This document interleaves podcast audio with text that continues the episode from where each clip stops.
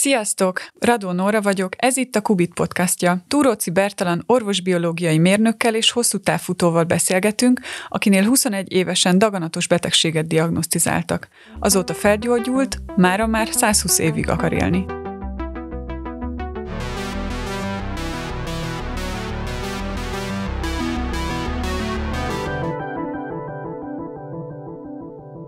Ha jól tudom, akkor egy óriási sorsfordító esemény, rákdiagnózis és az abból való felépülés adta meg a kezdőlökést ahhoz, hogy elindulj az életmódváltás, maratonfutóvá válás útján, de mellette orvosbiológiai mérnök és több könyvszerzője is vagy. Hogyan kezdődött minden? Igen, először annyi, hogy a, a maratonfutás, ezt én úgy fogalmaznám, hogy egyszer futottam el maratont, ez a gyógyulásomnak a harmadik évfordulóján volt pont napra pontosan, és ennek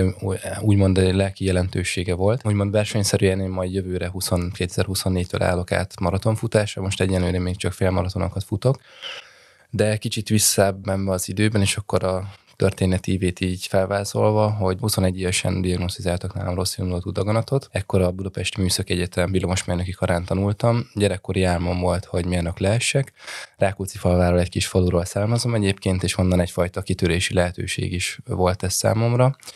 Úgyhogy éjjel-nappal tanultam a matekot, fizikát, később a elektromágneses tereket, programozást, meg mindenféle természettudományi tárgyat, és 21 évesen jött a, a betegségről szóló hír, és emlékszem, hogy ez egy tavaszi fél év volt az egyetemen, viszont a vizsgai időszakot még meg akartam csinálni, hogy ne bukjak ki, csak utána mentem el az orvoshoz, mert tudtam, hogy itt komoly problémák vannak, és ez az egyik tanulság így évekkel később a gyógyulás után, hogy azonnal el kellett volna menni. Nyilván, amikor már érzi az ember a tüneteket, már akkor is késő, akkor is már valahol lehet, hogy nem tudom, ilyen második, harmadik stádiumban áll a, a betegség. És mivel ilyen sokat vártam a, az orvoshoz való fordulással, a műtét után még nem gyógyultam meg, hanem kemoterápiás kezelés is szükséges volt, és mindez ugye belecsúszott már a következő őszi fél évbe az egyetemen, úgyhogy így jött az a történet, hogy párhuzamosan jártam az onkológiai intézetbe kemoterápiára, meg a műszaki egyetemre vizsgázni, meg zéházni, meg az ilyen laborgyakorlatokra, Úgyhogy nagy kihívás volt annak idején, viszont azóta is, a, ahogy itt a beszélgetés elején említettem a, a Longevity projektet, tehát azóta nekem 120 év a, a cél így egészségügyileg, és úgy érzem egy kicsit, hogy kaptam egy második esélyt az élettől a gyógyulás után, és hogy itt szeretném kihasználni, úgymond, hogy, hogy minden nap egy ajándék részemről, minden óra, minden perc számít, és az egészségem a, a, legfontosabb, amire figyelek. Nehéz megszólalni ezután a történet után, mert tényleg emberfeletti állóképességről és akaraterőről tettél tanúbizonyságot, akkor ez azt is jelenti ezzel a Longevity projekttel, hogy meggyógyultál, teljesen gyógyultnak tekinted magad? Abszolút, sőt, egészségesebb vagyok, mint valaha úgy gondolom, tehát még a, tehát a betegség óta nem csak az, hogy kontrollvizsgálatokra járok, hanem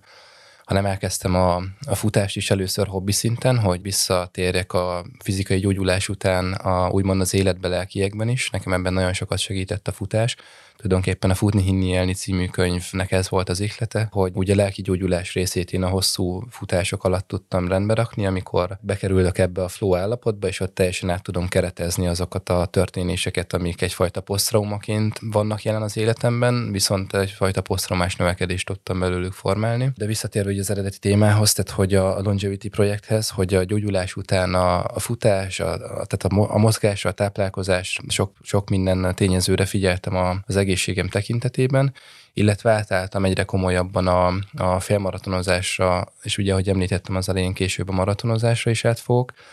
és a zóna kettes edzés, ami azt jelenti, hogy a maximális pulzusunk 60-70 a közötti pulzustartományban, hogyha edzünk, az az egyik legjobb ilyen longevity hack, most nevezzük így, tehát hogy nincs olyan gyógyszer, vagy olyan eszköz, vagy tevékenység, úgymond, ami hatásosabb lenne az egészségünk megőrzése érdekében, mint a zóna kettes testmozgás. Nem feltétlenül a futás, ez ugye lehet úszás, bringa, gyorsabb sétálás, túrázás, ugye az ilyen aerob jellegű edzésformák. És röviden nekem a maratonozás is, meg a futás is arról szól, hogy a, a futás köré tettkörítésem, úgymond a táplálkozás, a regeneráció, az, az alvás minőségre és mennyiségre való odafigyelés, maguk a futóedzések egyfajta én időt is biztosítanak egyben, akkor van az, hogy teljesen offline vagyok, és nincs az, hogy zizeg a telefon, meg jön a Teams üzenet, meg az e-mailek, meg hívogatnak. Szóval egy kicsit azért így a pszichés, a mentális jólét is részemről a futásnak, a fizikai aktivitáson felül. És aki abszolút ülő életmódot folytat, és nincsen az életébe beépítve a sport, annak hogyan ajánlanád ennek az elkezdését? Milyen stratégiát tudnál? Mert az is nehéz lehet, hogyha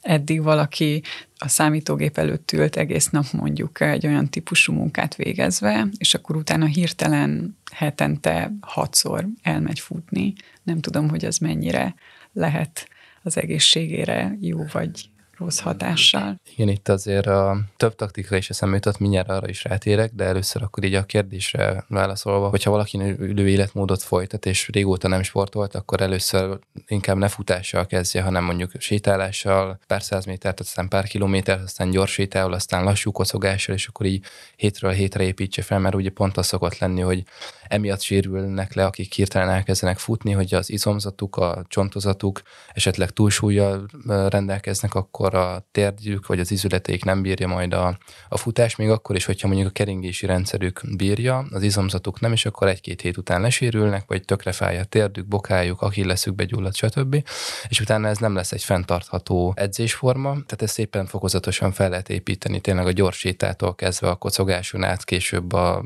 3-5-10-21 kilométerig, vagy a maratonfutásig. Ugye rengeteg hobbi maratonfutó van Magyarországon, és évente többször rendeznek. Ugye itt a Pesten is maraton például ilyen 20-30 ezer fős résztvevő létszámmal. És akkor visszatérve oda most kicsit így a futásból is kizumolva, hanem úgy általában hogyan tudja ezt a, ezt a sportos életmódot valaki kialakítani. Erről a következő kötetben is a Super Sapiens című könyvemben is írok, mert a, a függőségek résznél, tehát hogy ezt a két témakört én most összekötném, hogy a, a sport vagy a testmozgás és a függőségek témakörét,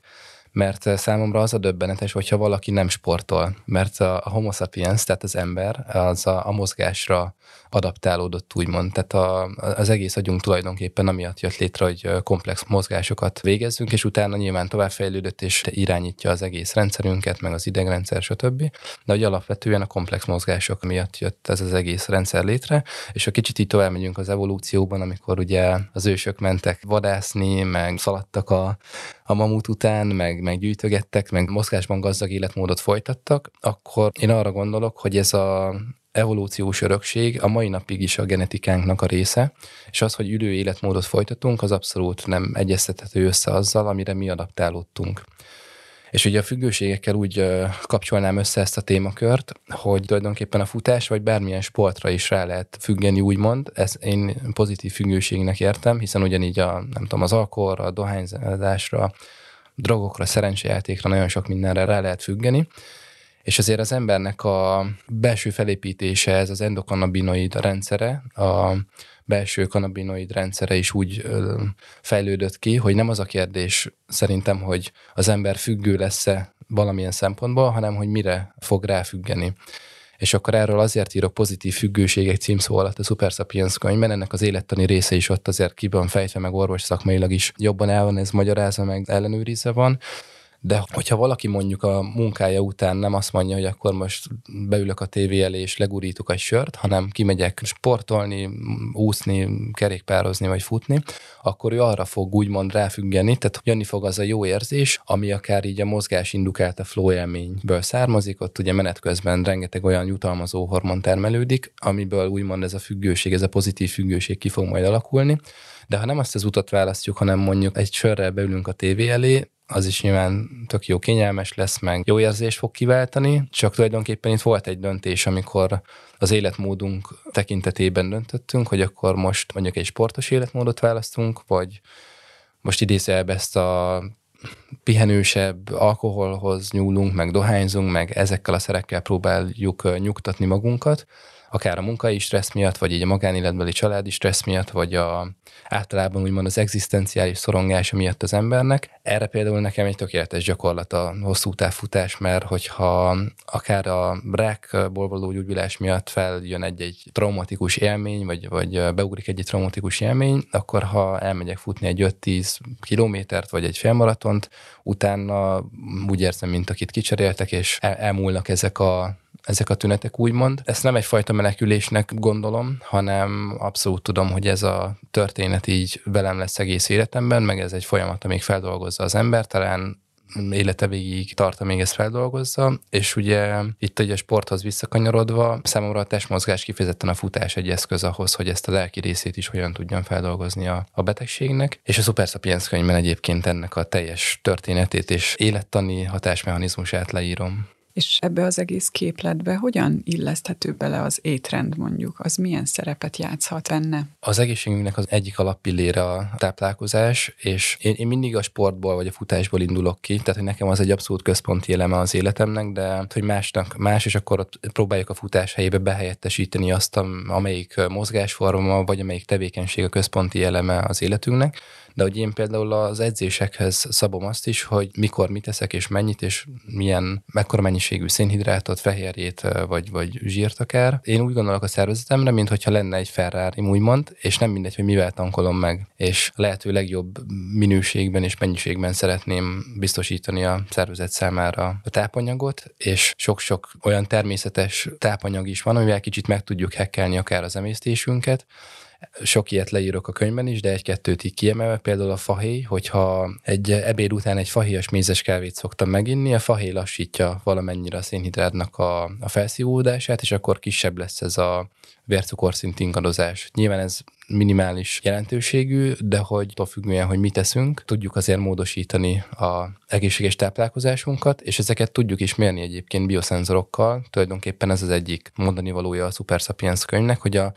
a technológiai vívmányokat, ezeket a bioszenzorokat, vagy biohacking megoldásokat hogyan tudjuk felhasználni a saját egészségünk monitorozására, és akkor itt a táplálkozásra maradva van egy olyan megoldás, ami egy, egy ilyen mikrotűs, minimálinvazív, folyamatos vércukorszín monitorozó eszköz. Ez úgy néz ki, mint egy 50 forintos így nagyságban. A bőr alatti tartományban lehet ezt a szenzort applikálni, vagy én úgy szoktam mondani, hogy be, belőlem a bőr alatti tartományba, abszolút fájdalommentes, de cserébe 0-24-be 2 percenként Bluetooth-on keresztül keresztül küldi a telefonra a vércukorszintünket, vagy ha oda tartjuk a telefont, akkor NFC-vel leolvashatjuk valós időben is, és mondjuk két hétig tudjuk nézni azt. Egy, egy szenzorral nyilván tehát, hogy egy szenzor az körülbelül két hétig alkalmas a monitorozásra, utána nyilván higiéniai és egyéb okok miatt is le kell cserélni, de például nekem egy olyan felfedezésem volt ennek kapcsán, hogy én nagyon szeretem a smoothie amiről általában azt mondhatnánk, hogy milyen egészséges, mert zöldség, meg gyümölcs, meg ez az amaz, de hogy olyan vércukorszintben olyan kilengéseket okozott, hogy én azokat azóta elhagytam, pontosabban ugye a minőségét lecseréltem. Mondjuk több rostos összetevőt teszek bele, és akkor látom a vércukorszint monitorozás során, hogy nem ültem fel a vércukorszintnek a hullámos útjára. És akkor ez csak egy példa volt így a táplálkozás kapcsán. Most azért térek ki inkább ezekre a bioszenzoros meg technológiai témákra, amit a táplálkozásunkhoz fel tudunk használni, mert nyilván így dietetikustól, meg a csomó könyvben, forrásban olvashatunk arról, hogy mit tegyünk, meg hogy teljes kiörlésű, meg zab, meg gluténmentes, meg tejmentes, meg ilyesmi. Erre most azért nem térnék ki, mert hogy inkább most erről a kicsit speciálisabb területről beszéljünk, hogy hogy tudjuk a technológiát felhasználni a táplálkozásunk optimalizálásához. És ugye volt ez a példa, ez a folyamatos vércukorszín monitorozó eszköz. De van egy másik eszköz is, ami egy ilyen otthoni kilégzéses teszt tulajdonképpen. Bármilyen ételt elfogyasztunk, egy amerikai startup fejlesztette ki. A lényeg az, hogy egy kis eszköz, amit, amiben bele kell fújnunk, tehát hogy belelélegzünk a táplálkozás után, és tulajdonképpen ez egy ilyen otthoni hidrogén kilégzéses tesznek felel meg, hogyha nem tudjuk emészteni azt a tápanyagot, amit megettünk, akkor tudjuk, hogy azt a, az étrendünkből ki kell venni, mert a, ahhoz nincsenek meg a megfelelő akár emésztőenzimeink, tehát azzal csak úgymond ártunk a szervezetünknek, hiába is mondjuk, amit megettünk, az úgy általánosságban egészségesnek tűnhet, ugye nincs ez a van fits for all megoldás táplálkozásban, és akkor ugye itt még bejön a, a genetikai vonal is, saját genetikánknak a megismerése, hogy mit tudunk bontani, emészteni, milyen enzimeink működnek, mik azok, amik alul működnek, esetleg a bélbaktériumaink kapcsán is ugye ezt a kettőt kombinációba lehet hozni, tehát egy egészen spéci étrendet ki lehet alakítani, ami nekünk személyre szabottan egészséges. Rengeteg témát említettél, és ami nekem egy picit megragadta a figyelmemet, az pont a személyre szabhatóság kérdése, mert nagyon sokféle diétáról hallunk, rengetegféle életmódbeli tanácsot lehet olvasni az interneten, viszont az a benyomásom, hogy nagyon-nagyon számít az egyénnek a saját genetikája, az ő testfelépítése, az, hogy tényleg milyen környezetben él, hogyan dolgozik, mozog-e egyáltalán, ha igen, akkor mit és milyen preferenciái vannak, és akkor ez a skála még folytatható a végtelenség. Hogyha valaki szeretne az egészségesebb életmód irányába elmozdulni, te mit ajánlanál, hogy hogyan kezdjen hozzá, hogyha abszolút személyre szabható megoldást keres? Én, én hat alappillért mondanék ide, ez tulajdonképpen egyébként az életmódorvostannak nevezett szakterületnek a hat alappillére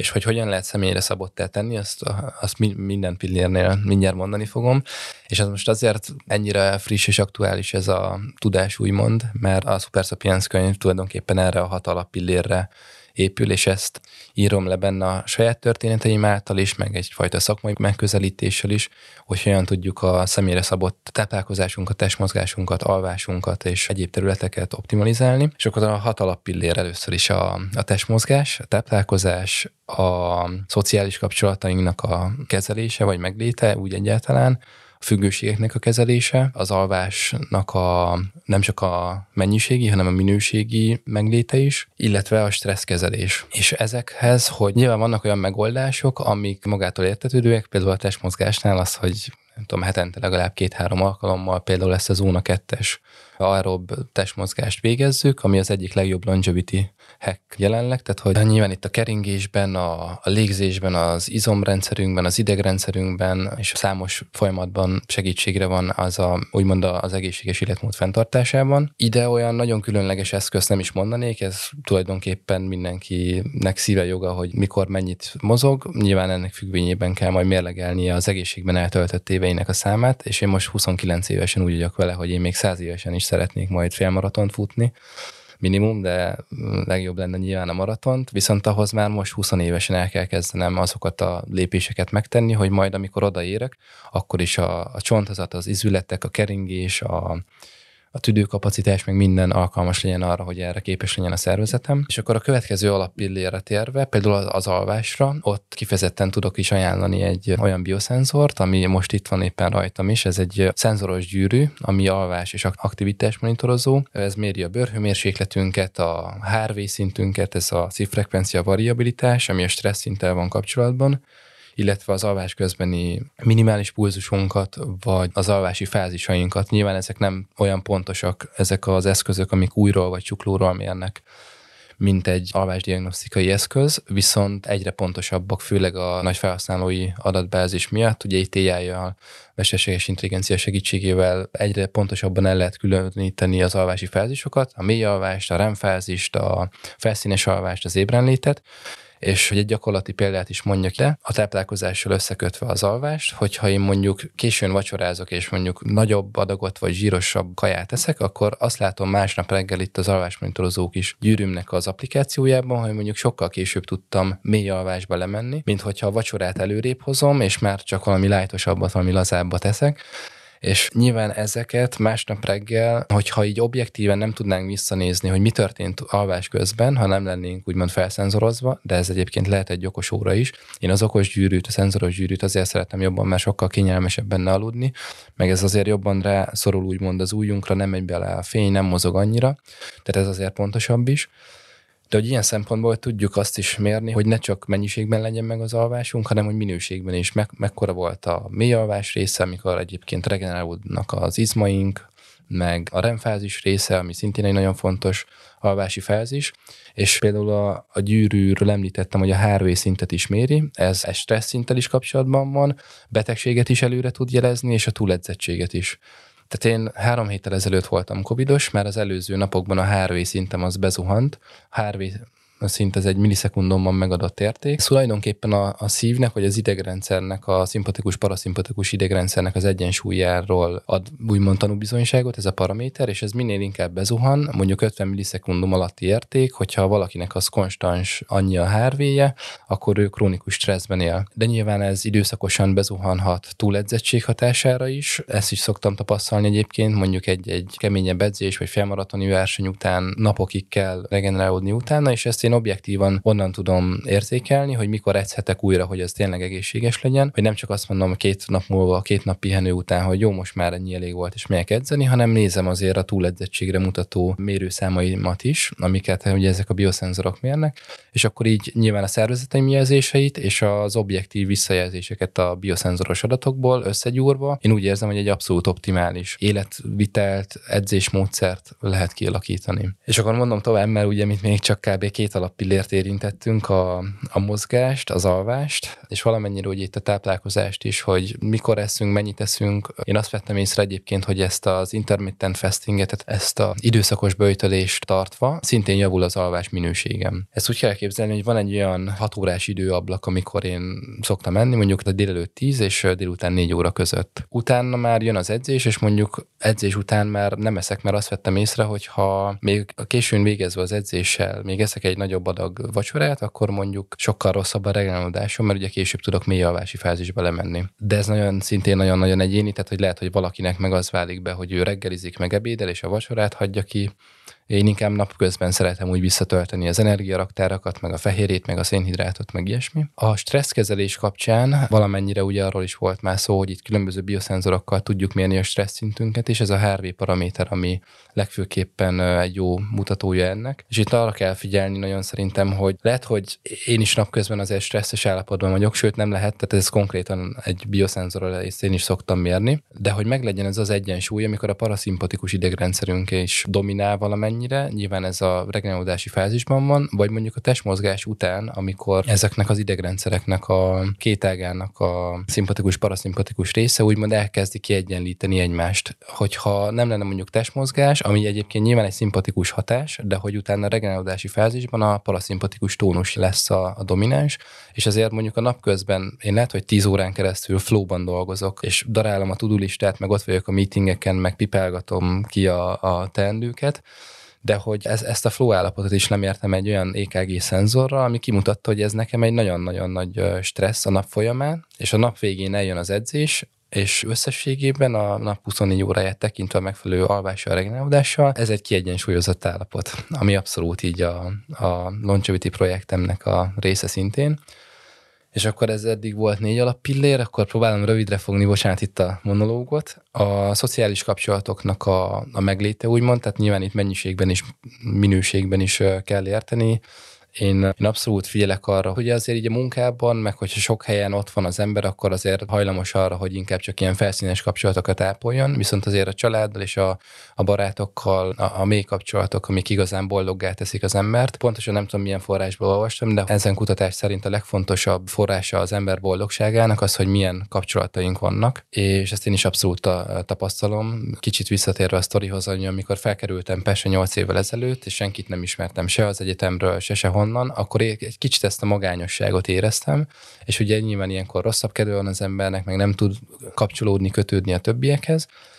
Most viszont, ahogy kialakultak így ezek a kapcsolatok baráti téren is, meg a futótársakkal, atlétatársakkal, a munkahelyen, vagy az egyetemi tanulmányok során, én is érzem, hogy így a boldogság szint az azóta sokkal jobban felment, hiszen tud az ember kapcsolódni a, a többiekhez. És akkor az utolsó pedig ugye a függőségek kezelése. Erről már volt szó, hogy tulajdonképpen egy döntés kérdése, hogy az ember egyfajta pozitív függőséget választ magának, mert szerintem nem az a kérdés, hogy függők leszünk-e valamire, hanem az, hogy mire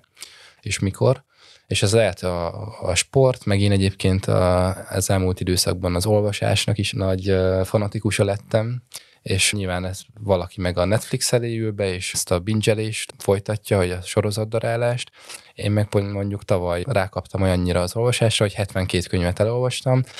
és tulajdonképpen én ezt választottam a helyet, hogy mondjuk egy nehéz nap után ne a Netflixet tegyem be, hanem mondjuk nyissam ki a következő könyvet, amiből egyébként nyilván egyrészt nekem én idő is, kikapcsolódás is, vissza is töltődök, és hogyha olyan témájú, akkor még, még a munkámhoz, vagy a szakmámhoz is kapcsolódó tudást is tudok belőle szerezni. Úgyhogy röviden ezt a hat alappillért mondanám az életmódváltoztatás kapcsán, amit érdemes meghekkelnünk a saját longevity projektünk érdekében. Nagyon sok bioszenzoros eszköz, technológiát is em- említettél. Mennyire kell ehhez megfelelő háttérrel rendelkezni, hogy az ember eljusson egy olyan szintre, mint ahol te vagy, ha jól tudom, akkor egyébként orvosbiológiai mérnök is vagy, ahhoz, hogy ezekkel a technológiákkal bánni tudjunk, és ilyen szinten megismerjük azt, hogy mondjuk a testünknek mire van szüksége, és hogy az életmódunkban milyen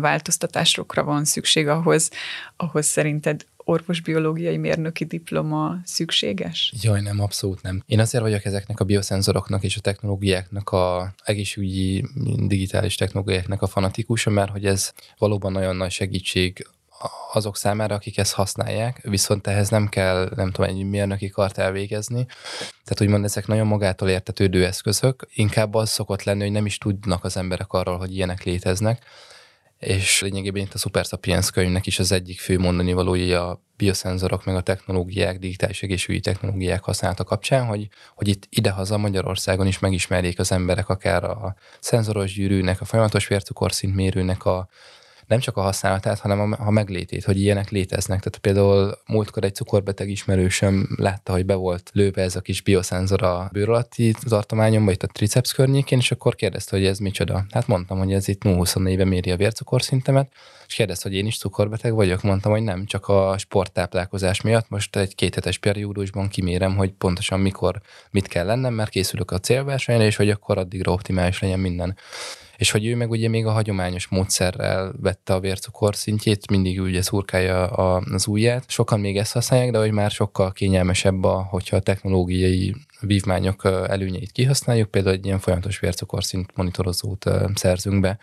Csak ugye sokan még nem is tudnak arról, hogy ilyen létezik. Mármint, hogy főleg idehaza, tehát hogy ezek azért például a szenzoros gyűrűt, mondjuk egy Amerikában sokkal több ember használja, megy az ember az utcán, akkor ott azt látja, hogy egy csomó embernek ilyen van a a, az ujján. És én ezeket a technológiákat, meg bioszenzorokat az elmúlt években így az orvosbiológiai mérnöki szakmám során tesztelgettem, kipróbáltam, én is fejlesztek saját szenzorokat, és, és a leginkább hasznosakat gyűjtöttem össze egy ilyen tudástárba a, az újonnan készülő kötetbe. Tulajdonképpen így válaszolva a kérdésedre, hogy nem kell orvosbiológiai mérnöknek lenni hozzá, hanem nekem az abban segített, hogy ezekhez a technológiákhoz hozzáférjek és megértsem a működését, és most egy kicsit én úgy szeretném visszaadni ezt a tudást, akár így a magyar emberek részére, akik egészségtudatosak és kellően figyelnek a, a, az életmódjukra, hogy tényleg már csak célzottan azt a 10-12 eszközt sorolom fel, és írom le, hogy mi, hogy miért, mik vele a személyes tapasztalataim, milyen történeteket tudok hozzáfűzni, például ez a vércukorszintmérős történet, hogy utána ők is ezt simán netről be lehet rendelni, meg lehet szerezni, nem kell hozzá komolyabb tudás, a mindegyik eszközhöz általában tartozik egy mobilos applikáció is, ahol különböző ilyen tutoriálokban, tehát úgymond ilyen gyors talpalókban leírja az app, hogy kell felhelyezni, mit kell nézni, melyik paraméter mit jelent, és egy ilyen 15 perc után tulajdonképpen már a saját magunk élettani paramétereit tudjuk úgy monitorozni, amit korábban elképzelni sem tudtunk, hiszen szubjektív alapon nem tudjuk mondjuk megítélni azt, hogy mennyi a vércukor szintünk, vagy a vérnyomásunk, és ugye itt a vérnyomás kapcsán ezt egy ilyen csendes gyilkosnak is hívják, mert mondjuk éveken keresztül alakul ki ez a népbetegségnek számító magas vérnyomás is, meg ugye prediabéteses állapotban is, hogyha még nem érezzük a tüneteket, akkor lehet, hogy éveken keresztül abba vagyunk, hónapokon, éveken keresztül kialakul majd a kettes típusú cukorbetegség. De hogyha egy ilyen bioszenzort beszerzünk, és mondjuk csak egy kéthetes periódusban mérjük magunkat, hogy ezt szoktuk enni, és ez mondjuk ilyen hullámzó vércukorszintet okoz nekünk, akkor már is látjuk objektíven, hogy igen, egyébként én itt nem tudom, már prediabéteses állapotban vagyok, tökre hullámzik a vércukorszintem, és hogy valamit tennem kellene, mert így cukorbeteg, kettes típusú cukorbetegé fogok válni. És ebben segítenek ezek a bioszenzorok. Nyilván egyrészt segítség a könyvnek a tudástára is, de a neten is felelhető mindenféle tudománykommunikációs anyag, illetve azért vannak sokan, akik ugye ezt a digitális egészségügyi megoldásokat promotálják, a, akár így a közösségi médiában is, meg különböző oldalakon, blogokban. Szóval nem kell hozzá mérnöknek lenni, szerintem, hogyha tudjuk, hogy egyáltalán ilyenek léteznek, akkor neten rákeresünk, berendeljük, és holnap már, vagy két-három nap múlva már tudjuk is használni. És egyébként a mérési eredmények értelmezésében van olyan orvos, aki neked például segítséget tud nyújtani? Mm, van, főleg a kicsit már ilyen hardcore témákban, tehát például én egy ilyen genetikai szekvenálást is elvégeztem, ahol nyilván vannak ezek a szolgáltatók, akik küldenek egy automatikusan generált riportot, de én egy olyat választottam, ahol a nyers adatot is, a nyers genetikai adatot is megkapom, és akkor ott egy ilyen genetikus tanácsadás alkalmával egészen mélyre lehet ásni, hogy azon az általános riporton kívül, amit e- ezektől a szolgáltatóktól, amit mondjuk Amerikából vagy Európából bárhonnan, ahol van ilyen szolgáltatás berendelünk, de önmagában egyébként orvosi segítség nem szükséges ezekhez a bioszenzorokhoz, mert pont ahogy az előző kérdés kapcsán említettem, az a telefonos applikáció úgymond tökéletesen elég ahhoz, hogy értelmezni tudjuk az adatokat, illetve még javaslatokat is tesz, ugye, hogy mit csináljunk. Például a vércukorszint ingadozásánál, hogy akkor megkérdezi, hogy most mit tettél, és hogy akkor mondjuk ezt el kellene hagyni a diétádból, mert ez nagyon a, kilőtte a vércukorszintedet vagy az alvásmonitorozó gyűrű is ugyanígy másnap reggel, hogyha nagyon rossz voltak az értékek, vagy rossz, vagy kevés volt a mély alvási fázis, akkor javaslatokat tesz, meg kérdéseket tesz fel, hogy mit csináltál, mikor ettél utoljára, hogy próbál rávezetni arra, hogy mi okozhatta az alvás minőségnek a romlását. Nyilván, hogyha valaki megteheti, vagy akár részemről nyilván így a baráti körben a rengeteg orvos van, és mi ezeket mindig megvitatjuk, de hogyha valaki nincs ilyen helyzetben, akkor sincs szükség orvosokra,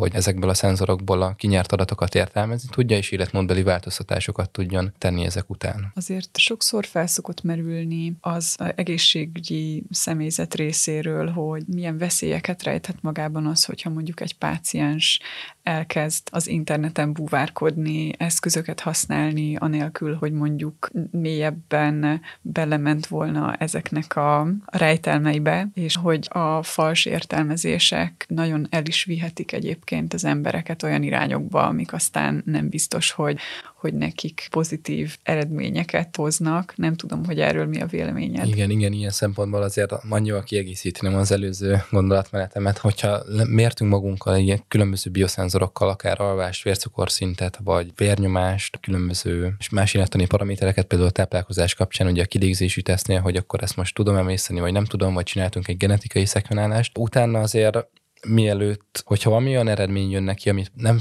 pontosan tudunk értelmezni, vagy inkább szakorvosi segítségre lenne szükségünk, akkor mindenképp egy orvosi konzultációt ajánlok. Én ott előbb csak arra akartam kiukadni, hogy alapvetően ezek úgymond magától értetődő paraméterek, Nyilván különböző betegségek esetén mindenképpen orvossal kell ezt megbeszélni. Én most kicsit így az egészség tudatos, és egyébként egészséges emberek gondolataiba helyeztem magamat, hogy akkor nem kell úgymond ilyen hipohondriás tüneteket produkálni, és akkor mondjuk szaladni az orvoshoz, hogy én most mértem magamon ezzel a bioszenzorral ilyen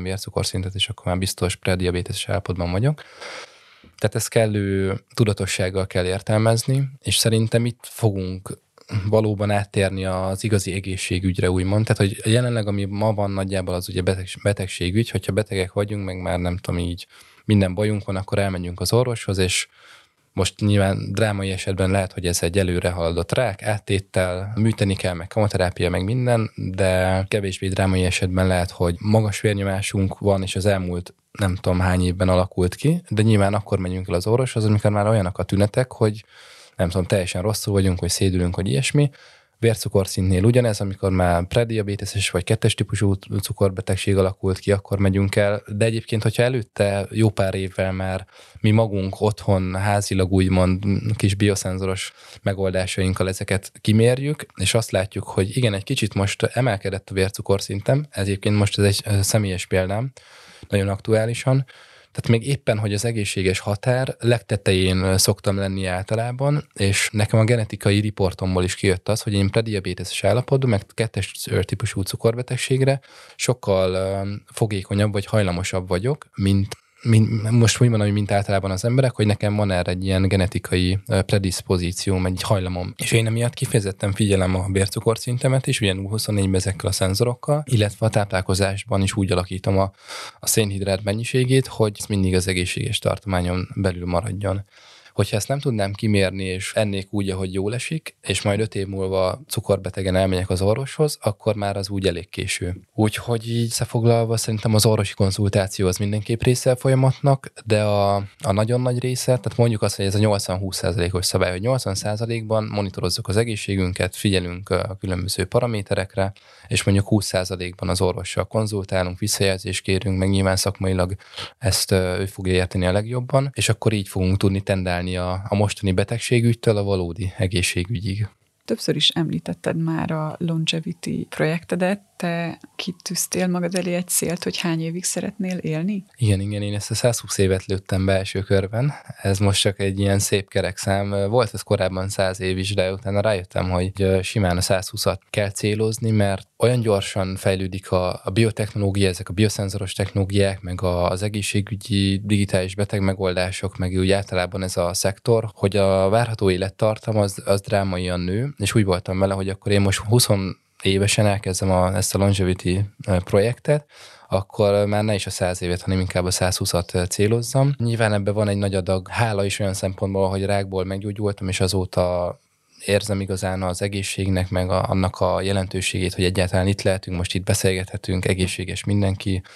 és ezt minél, tehát hogy annyira szép az élet, hogy én ezt minél tovább szeretném átélni, illetve visszaadni abból a úgymond tudásból vagy történetekből, amik velem is történtek, a Futni élni könyv is ugye erről szólt, hogy a sorstársaknak és a sporttársaknak azt a történetet, meg azt a tudást, amit addig átéltem, visszaadjam. És most a Super Sapiens könyv pedig arról szól, hogy az elmúlt években ezen a területen, a longevity területén szerzett tudásomat egy ilyen történetmesélős formátumban át tudjam adni. Könyvnek kapcsán egyébként sok olyan dolog történt már most, ami számomra is hihetetlen. Ugye csak jövőre fog megjelenni ez a Super Sapiens című könyv, viszont a, most az előkampánya zajlik úgymond, és már ennek során is össze találkoztam egy olyan céggel itt Magyarországon, akik tulajdonképpen azt csinálják nagyban profi orvosokkal, és felskálázza, úgymond, amit én magamon esettanulmányként leírtam a könyvben. Úgyhogy ha valakinek majd lesz a könyv kapcsán úgymond felmerül benne az a kérdés, hogy jó, oké, most én ezt elolvastam, minden tudás birtokában vagyok, ezeket a szenzorokat, ha berendelem, akkor tudom monitorozni magam. De hogy ezen kívül még ezeket a vizsgálatokat mondjuk, hogy az egészségtudatossághoz tartozó vizsgálatokat hogyan tudnom elvégezni, akkor arra is lesz egy megoldás a, a könyvben mert itt Magyarországon is van egy olyan cég egyébként, a, a Medipredict Kft.,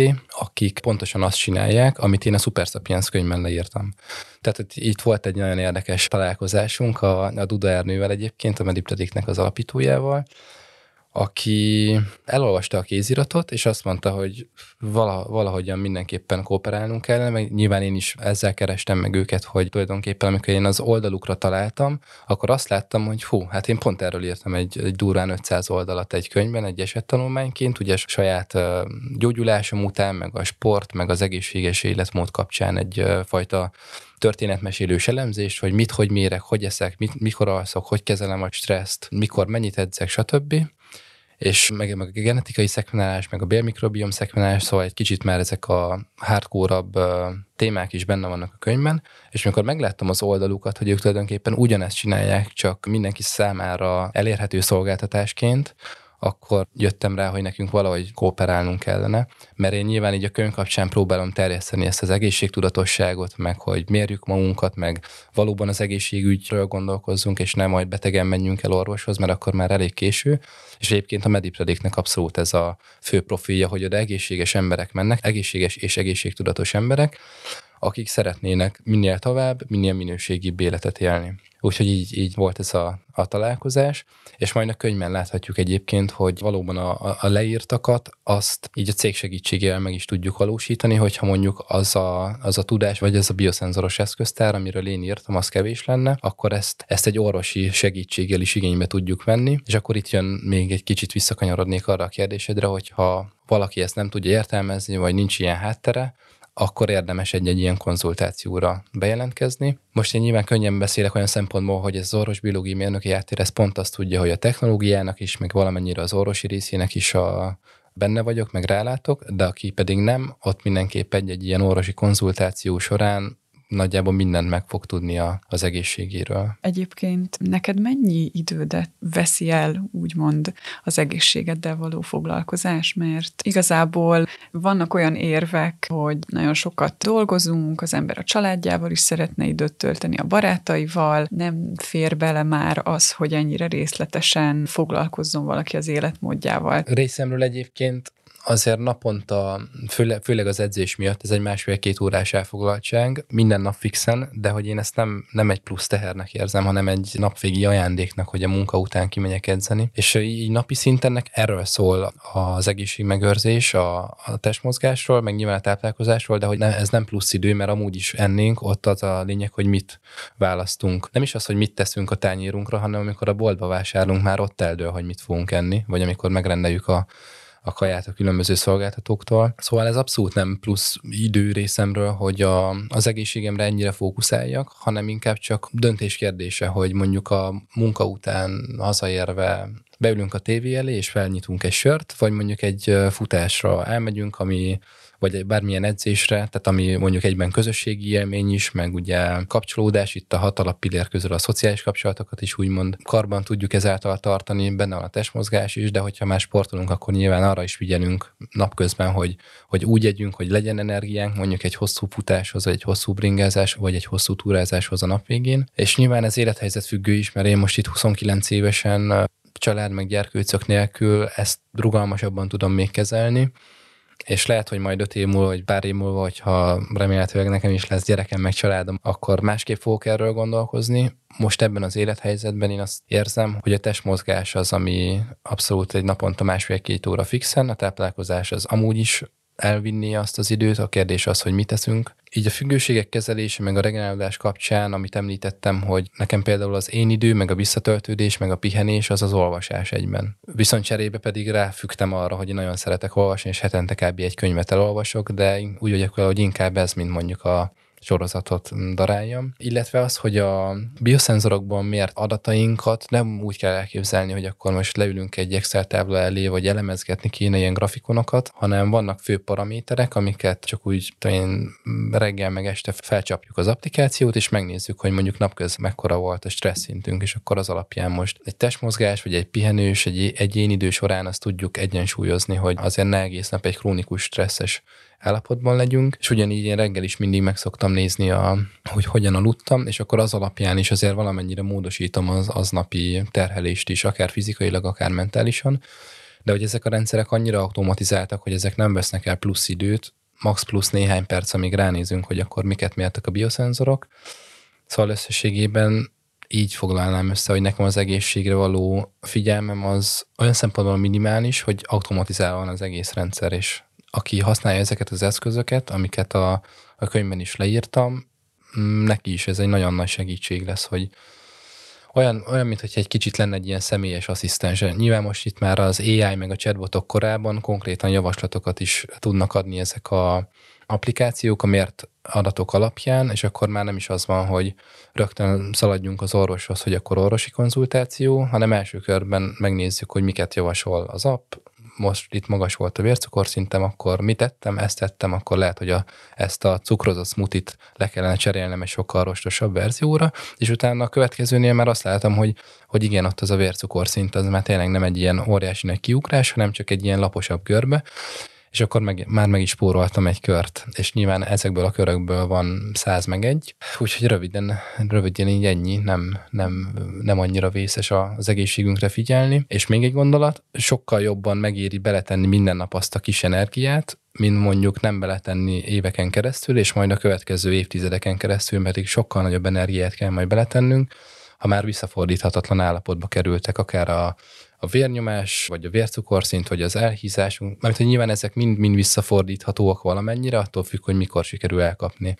Tehát most a kérdés az, hogy vérnyomás csökkentővel tudjuk karban tartani, vagy még annyira olyan állapotban vagyunk, hogy mondjuk egy sportosabb életmóddal és egy megfelelő diétával azt vissza tudjuk hozni, ugyanígy a prediabéteses állapottal is. Uh-huh. Nem mindegy, hogy ott kaptuk el, vagy mondjuk akkor, amikor már kialakult a kettes típusú cukorbetegség.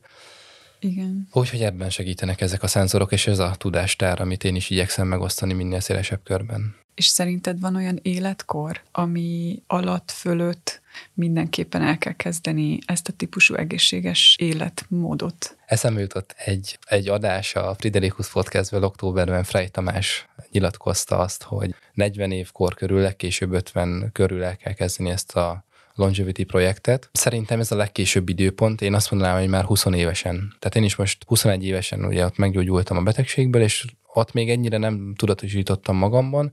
de tulajdonképpen én 20 évesen elkezdtem azt az életvitelt, meg egészségtudatos életmódot folytatni, hogy ebből lehessen akár 100 vagy 120 év is. Ez a 40-50 év, amikor szerintem legkésőbb el kell kezdeni, én, én 20-30 éves korban már ajánlanám. Tizenévesen még azért nem, mert ott még, tehát nyilván ott még ki kell élvezni azt is, a, azt az életszakaszt, meg azért legyen az embernek gyerekkora is, meg ne egyből már azon gondolkozzunk, hogy mi lesz majd száz év múlva, meg ott még annyira változik a szervezet, hogy sokkal jobban tudunk regenerálódni is, meg sokkal nagyobb a terhelés, amit el tudunk viselni. Én azt mondom, hogy 20 évesen érdemes, 40-50 körül pedig legkésőbb most jön egyébként a karácsonyi időszak, ami általában tényleg így édességekkel, szaloncukorral, óriási családi lakomákkal is szokásosan tele van, és új évkor pedig a fogadalmakkal mindenki az új élet kezdete reményében fitnessbérletet vesz, erre vannak felmérések, hogy akkor mennyire megugrik ezeknek a száma, és az életmódváltáson gondolkodik. Mennyire férnek bele ezek a kilengések mondjuk az egészséges életmódba, hogyha jön egy karácsonyi időszak, vagy utána az újévi időszak, szóval te ezt mennyire engedsz meg magadnak néhány nem csalónapot, ahogy a diétázók hívják? Én abszolút ennek vagyok a híve, úgymond, hogy kellően tudni kell pihenni is, úgymond. Most nem csak a, a fizikai vonalon, vagy a mentális stresszből, hanem akár így a táplálkozás kapcsán is. Tehát például nekem is kifejezetten a karácsonyi időszak az, amikor nem figyelem annyira szigorúan, hogy most akkor ennyi szénhidrát legyen, meg olyan fehérje, meg nem is vagyok versenyszezonban, tehát hogy simán ott a nagyszülőknél, hogyha ott a diós beigli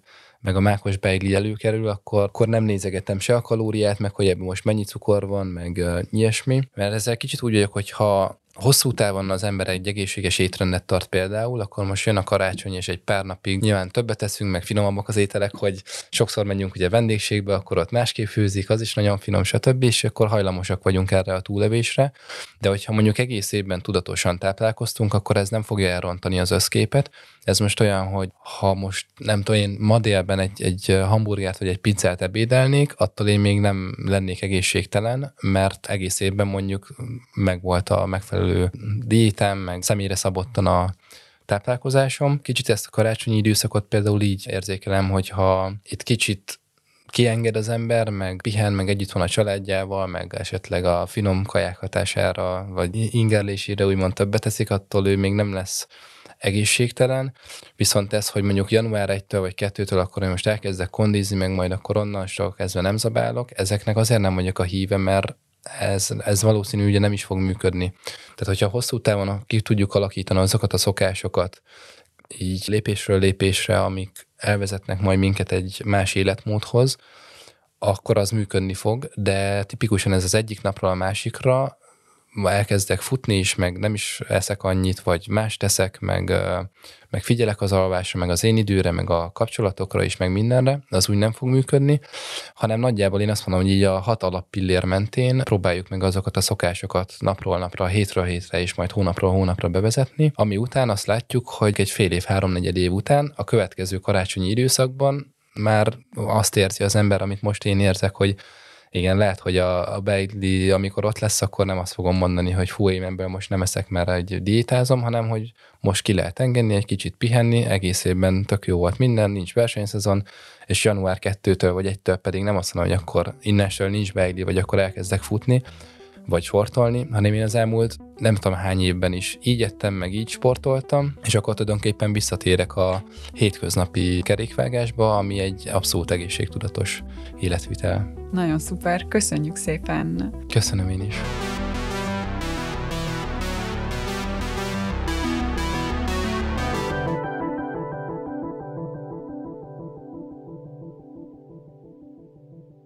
Köszi, hogy velünk voltatok, iratkozzatok fel a Kubit Podcast csatornájára.